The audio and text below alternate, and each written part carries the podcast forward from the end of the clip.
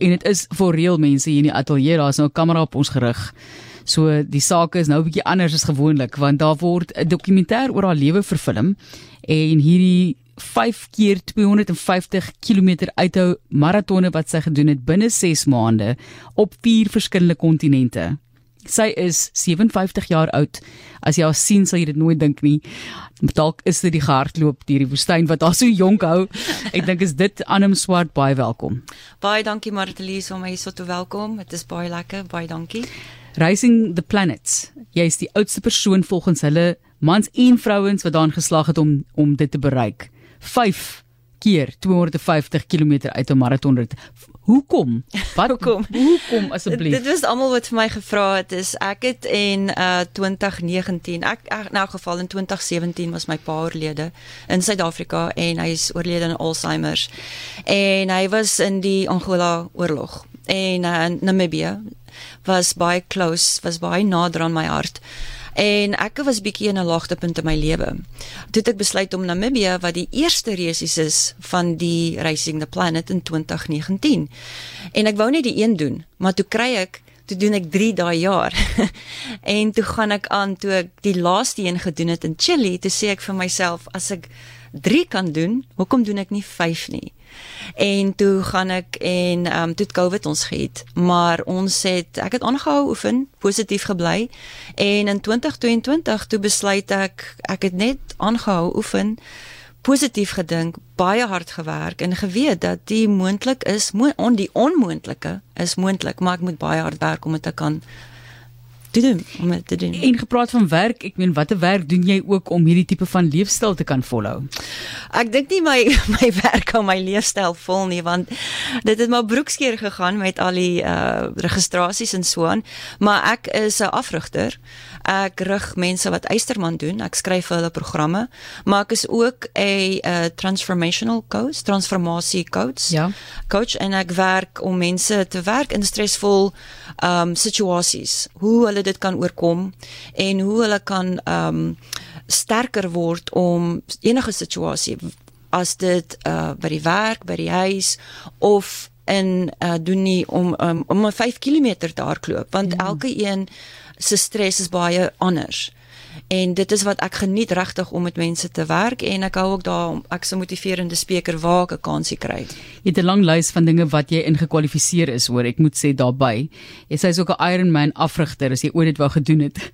Dan kan jy met daar gesels as jy jou vlak van fiksheid tot op 'n ander hoogte wil neem. Maar kom ons gesels net vinnig oor hoe hierdie dinge gereël word want dit is in verskillende dele van die wêreld en dis ook moeilike omstandighede. Jy kan nie net sê goed, ek vlieg na 'n land toe en daar gaan ek nou begin langs die pad en hierdie woestyn in hardloop en nou maar kyk hoe ver ek kom nie. Jy weet jy moet regtig dinge goed beplan. So vertel ons 'n bietjie van die beplanningsproses en jou eie fiksheid ook wat jy moes opbou om dit te kan bereik.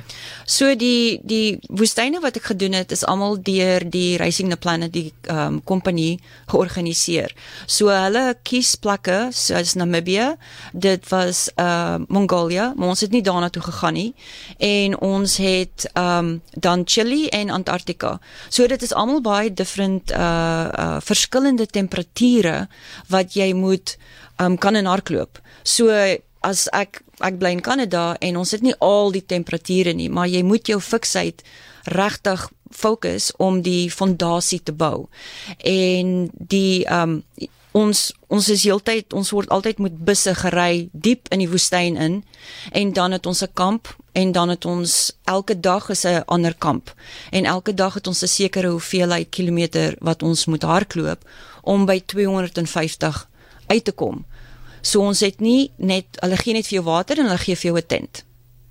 Goed, so jy moet dit nou doen binne 6 maande, sover ek verstaan. Dis vier verskillende kontinente. Hoe lank neem dit jou om 250 km in 'n woestyn te hardloop of te stap. Ek meen ek kan nie dink dat jy permanent hardloop nie. En is baie moeilik. Ek meen as jy nou dink jy gaan hardloop hier op die strand in dik sand, dit is moeiliker natuurlik om op so 'n manier te funksioneer. O, oh, absoluut. Absoluut. Dit is baie moeilik om in sand te hardloop, maar die ding is net die ehm um, die woestyn hardloop het ek geoefen om te ek het na 'n strand toe gegaan, ek het in water gehardloop, ek het met gewigte gehardloop aan my aan my voete en dit het my 7 dae gevat. Ons het net 7 dae. Jy elke dag moet jy 'n sekere hoeveelheid hardloop. Ons is gewoonlik uh, tussen 40 en 150 mense wat dit doen. Ja. En daar is net 'n um, paar mense wat hierdie wat ek verlede jaar gedoen het. So jy moet elke dag moet jy dit as jy dit nie klaar maak die dag nie, dan is jy uit. Is jy uit die resies uit. En dan was baie mense wat uitgegaan het want hulle te vinnig hardloop die eerste dag. So jy moet jou mooi passeer hoe jy hardloop elke dag. En eendag moet ons 80 km hardloop. So jy daar's nie 'n tyd om verskonings te kry nie en ek het baie ek noem hulle my gremlins in my kop en hulle maak baie geraas. baie baie geraas. Ah, oh, die gremlins. Ek sit net gou vinnig en kyk of ek jou bene kan sien onder die tafel want ehm um, dis 'n koue dag in die Kaap soos hy 'n langbroek aan. ek kan my net voorstel hoe ongelooflik jou kuite en jou bene ontwikkel is om onder daai omstandighede te kan hardloop met gewigte wat jy geoefen het en nie op die strand gaan hardloop en so en so jou bene jou liggaam het seker ook baie verander in die periode van tyd en voorbereiding. Dit het, maar dit is nie dat ek baie soos ek jy kan sien, ek het nie baie spiere en ek is nie groot gebou en so aan nie.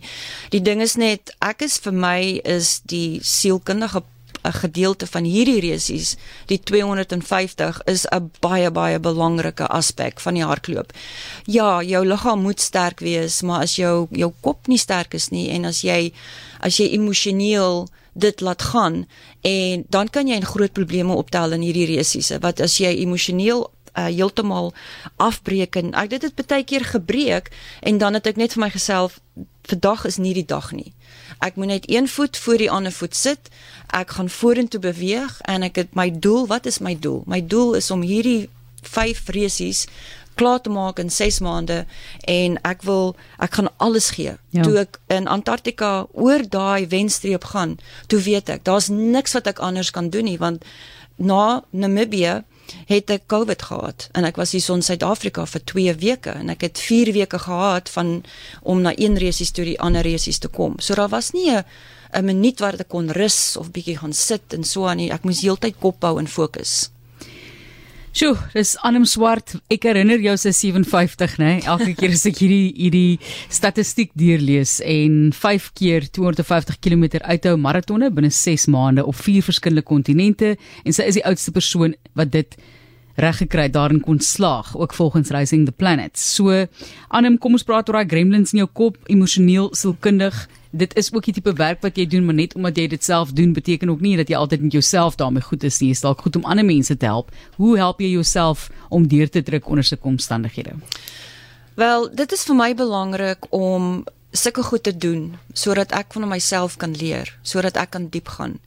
En wanneer daai goed met my gebeur en baie keer hardloop want vir my toe ek groot geword het, het ek altyd weggehardloop van trauma. Maar nou hardloop ek na nie na dit toe nie, maar ek maak dit werk vir my. En elke ou het sy el, eie drama wat hy deurgaan.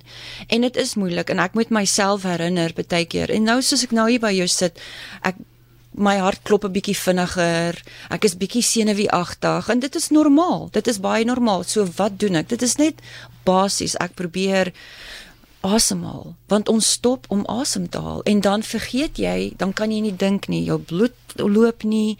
So wanneer dit met my gebeur moet ek my net herinner wat is my doel hierso? My doel is ek is nie 'n ehm 'n advokaat nie. Ek is iemand wat my krag is met my voete wat grond maak.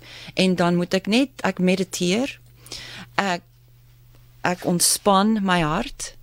En ek asemhaal baie baie stadig en dan sal dit dan staan meer ehm um, dis meer clarity wat jy kry. Ja.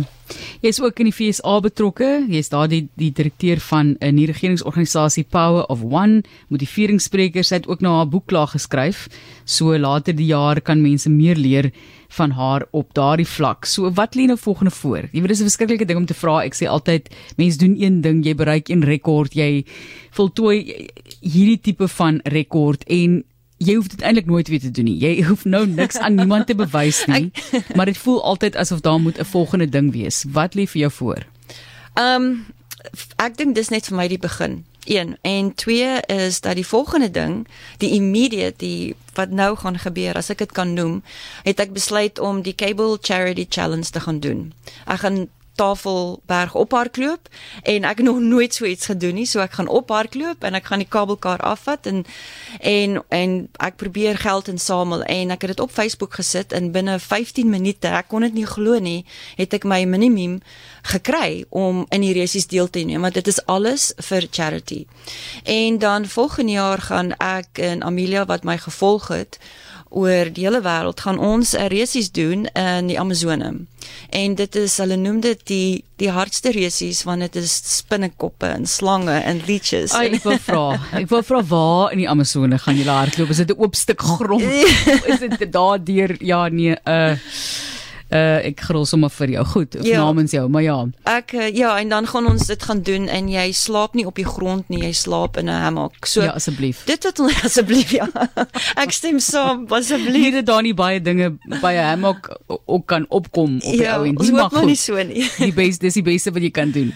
Sjoe, jene wat 'n avontuur van 'n lewe sê ek vir jou en dit is hier op RSG waar jy dit gehoor het. Jy's welkom om ook um, vir ons eposse te stuur as jy later uit dokumentêr wil kyk. Dit gaan nou 'n hele ruk vat nog. Die ding word nog verfilm soos wat die kamera vrou hier verby ons deel verby ons beweeg en dan moet dit saamgestel word. So hopelik sal ons dit binnekort kan kyk om julle te volg daar deur die woestyne, deur die vier kontinente. Aan hom swart wat met ons gesels het en jou beste raad vir iemand wat 'n groot uitdaging wil pak. Jy is dan nou hier. So daardie stresvolle om, om omstandighede. Jy praat byvoorbeeld van Tafelberg. So 'n paar jaar terug was daar 'n ou wat ek geken het wat Tafelberg elke liewe dag vir 'n jaar uitgeklim het. Nee. Elke liewe dag vir 'n jaar, yes. hy het dit gedoen as 'n persoonlike uitdaging en ook vir 'n goeie doel natuurlik. Ja. So hy het sy werk verloor en toe besluit hy hy gaan hierdie projek aanpak, maar dit ver geweldige toewyding want daar's daar wat jou voete en jou knieë en alles is nie lekker nie en mense wil saam stap en al daai tipe van ding, jy moet daai oggend opstaan en sê ek gaan dit nou doen. Jy kan nie vandag oorslaan nie anders is die hele projek op die ouends nie vervul nie. So wat sê jy vir iemand wat so iets wil pak? Wel, uh, ek sê dit dit vat enige iemand kan dit doen.